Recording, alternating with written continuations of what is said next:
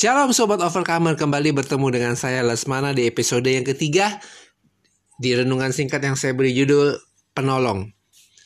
Minggu lalu kita sudah merayakan hari kenaikan Tuhan Yesus ke surga dan hari-hari ini adalah hari-hari di mana gereja akan merayakan Pentakosta di minggu ini.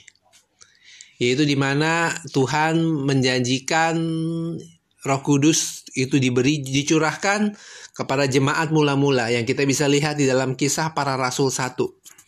Nah, kalau kita lihat apakah yang dimaksud dengan uh, Roh Kudus itu, Sang Penolong itu? Kita bisa lihat di dalam Yohanes 14 ayat yang ke-16 dan ke-17. Perikopnya adalah Yesus menjanjikan penghibur. Dikatakan seperti ini. Aku akan minta kepada Bapa dan ia akan memberikan kepadamu seorang penolong yang lain, supaya ia menyertai kamu selama-lamanya, yaitu roh kebenaran. Dunia tidak dapat menerima dia, sebab dunia tidak melihat dia dan tidak mengenal dia. Tetapi kamu mengenal dia, sebab ia menyertai kamu dan akan diam di dalam kamu. Dikatakan bahwa roh penolong itu adalah roh kebenaran. Roh kebenaran itu adalah Roh Kudus. Yang yang di, di ayat yang ke-18 dikatakan aku tidak akan meninggalkan kamu sebagai yatim piatu. Aku datang kembali kepadamu. Dikatakan Yesus tidak akan pernah meninggalkan kita sebagai seorang yatim piatu. Karena dia tahu bahwa di saat anak-anaknya itu yaitu kita semuanya yang percaya kepadanya hidup di muka bumi ini, kita pasti nggak akan pernah terlepas dari apa yang namanya pergumulan. Masalah, tantangan, ataupun yang hal-hal yang bisa menggoncang iman kita. Yesus tahu itu, maka dia mengirim yang namanya roh kudus. Yaitu sebagai penolong buat hidup kita, bukan hanya penolong, tetapi juga sebagai sarana untuk menghibur dan mengingatkan atas segala apa yang Tuhan telah katakan kepada murid-muridnya. Kalau kita lihat di dalam Yohanes 14 ayat 26, kita bisa menemukan dua fungsi yang Tuhan berikan kepada Roh Kudus. Yohanes 14 ayat 26. Tetapi penghibur yaitu Roh Kudus yang diutus oleh Bapa dalam namaku, dialah yang akan mengajarkan segala sesuatu kepadamu dan akan mengingatkan kepada kamu akan semua yang telah kukatakan kepadamu. Jadi dalam ayat yang ke-26 ini kita bisa melihat bahwa fungsi daripada Roh Kudus itu yaitu ada tambahan dua fungsi. Yaitu apa? Mengajar dan mengingatkan atas apa yang setelah kukatakan kepadamu. Jadi fungsi, fungsi dari jadi Roh Kudus itu adalah roh penolong, roh penghibur dan juga meng, yang punya dua punya fungsi tambahan yaitu mengingatkan kita akan apa yang Tuhan telah katakan dan juga mengajarkan yang segala sesuatu kepada kita. Nah, kalau kita lihat di saat-saat hari ini dunia semua mengalami masa pandemi COVID-19. Hampir seluruh dunia mengalami ini dan mengalami kesusahan, mengalami kesulitan ataupun resesi ekonomi juga nggak sedikit korban yang meninggal akibat virus corona ini. Pada saat podcast ini dibuat tanggal 26 Mei sudah tercatat 23.165 orang yang positif virus corona. Itu berarti dalam jangka waktu 3 bulan sejak Presiden Jokowi mengumumkan dua atau tiga orang yang terinfeksi corona di Indonesia pada tanggal 2 Maret. Tiga bulan sudah mencapai 23.165 orang. Bukan hanya itu saja, efek multipliernya ada. Yaitu apa? Begitu banyak per roda pergerakan ekonomi yang tidak bergerak. Perusahaan-perusahaan banyak yang tutup kebetulan saat ini antara pandemi dengan lebaran itu dekat. Jadi banyak perusahaan juga yang tidak bisa membayar THR ataupun membayar THR tetapi dengan dicicil atau ditunda. Banyak juga perusahaan-perusahaan yang merumahkan bahkan mem-PHK karyawannya. Hal-hal yang seperti ini tidak pernah terprediksi dalam banyak pikiran orang. Karena apa? Tidak pernah terpikirkan bahwa virus bisa menghancur meluluh lantakan perekonomian negara-negara yang terjangkit oleh virus corona ini. Nah, yang saya mau katakan bahwa kita memasuki masa-masa sulit saat hari ini.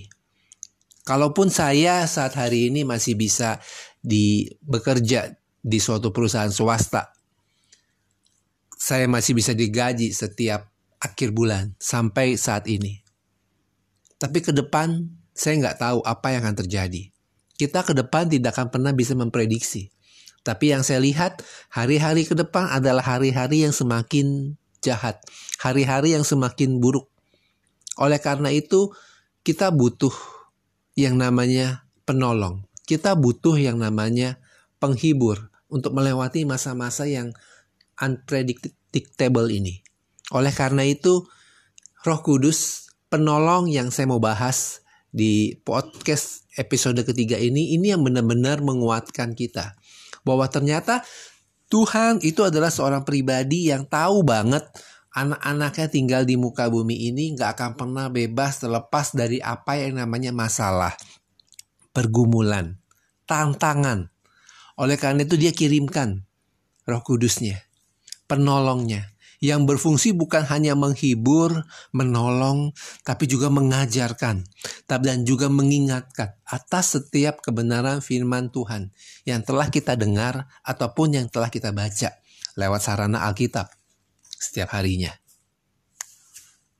Dan ini yang benar-benar luar biasa bahwa saya sebagai seorang manusia pun tentunya mengalami melihat hal-hal yang pada masa pandemi ini ada ketakutan dan kekhawatiran dalam hati saya. Ke depan bagaimana? Tetapi di, di dalam doa bisa diingatkan oleh Roh Kudus bahwa buka kembali dalam 1 Petrus 5 ayat yang ke-7. 1 Petrus 5 ayat ke-7 ini adalah suatu alat ayat favorit saya kalau di Alkitab saya, saya beri stabilo kuning.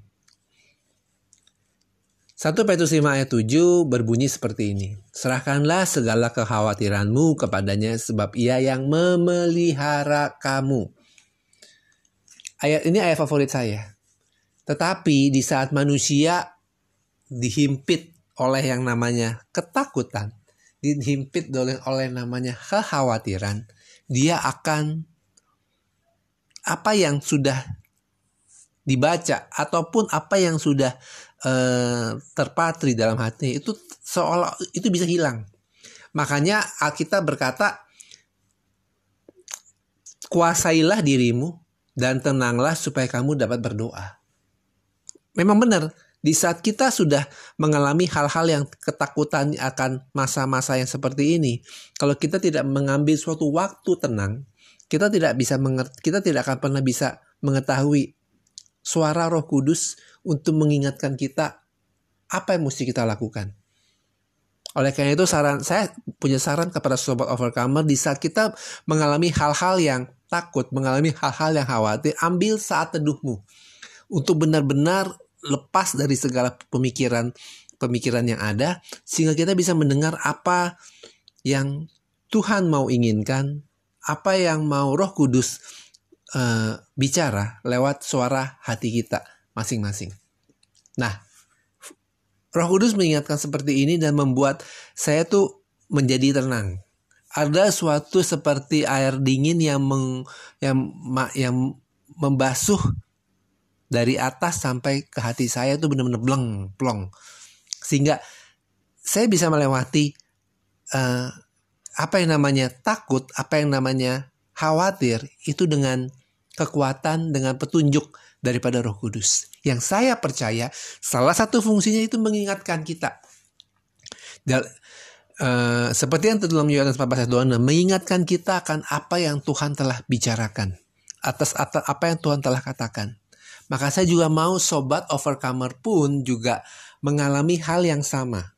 Di saat kita uh, sedang mengalami himpitan, pergumulan, tantangan, masalah, ambil waktu teduhmu dan minta Roh Kudus menghibur, menguatkan, dan bahkan mengingatkan akan apa yang Tuhan telah bicarakan. Mungkin Tuhan, mungkin Roh Kudus mengingatkan kita untuk suatu firman-firman Tuhan, kuat-kuat firman yang menjadi kekuatan buat kita untuk bisa kuat melewati masa-masa sulit seperti ini. Kalau roh, kalau so, kalau sobat overcomer belum mem, uh, mendeng, uh, mempunyai ataupun belum dibaptis Roh Kudus, mungkin sobat overcomer rindu untuk bisa menerima baptisan itu. Sobat overcomer bisa berdoa, bisa meminta Roh Kudus. Karena seperti yang terjadi dalam Lukas 11 ayat yang ke-13 dikatakan seperti ini. Jadi jika kamu yang jahat tahu memberi pemberian yang baik kepada anak-anakmu, apalagi Bapamu yang di sorga, ia akan memberikan roh kudus kepada mereka yang meminta kepadanya. Perikop Lukas 11 adalah perikop mengenai hal berdoa. Dan dikatakan bahwa kalau kita berdoa, kalau kita meminta kepada Tuhan, minta seperti bukan hanya sekali, tetapi berkali-kali. Di ayat 9 dikatakan seperti ini. Oleh karena itu aku berkata kepadamu, mintalah maka akan diberikan kepadamu. Carilah maka kamu akan mendapat. Ketoklah maka pintu akan dibukakan. Makanya dikatakan kalau kita meminta kepada Tuhan, Tuhan pasti beri apalagi minta roh kudus. Maka Tuhan pasti akan memberikan roh kudus kepada sobat overcomer yang mendengar podcast ini rindu untuk menerima Roh Kudus, menerima baptisan Roh Kudus, sehingga kita akan mampu bisa melewati masa-masa sulit, bukan dengan kekuatan kita, bukan dengan kedahsyatannya kita, tetapi karena Roh Kudus yang ada dalam hidup kita, yang memberi kekuatan, memberi penghiburan, memberi pengingat atas kebenaran firman yang telah kita dengar itu yang akan menjadi kekuatan kita untuk bisa melewati masa-masa sulit ini dan yang lebih lagi kita bukan hanya mampu melewati masa sulit ini tapi akan menjadikan kita keluar sebagai pemenang. Jadilah kuat di dalam Tuhan. Selamat malam. Tuhan berkati.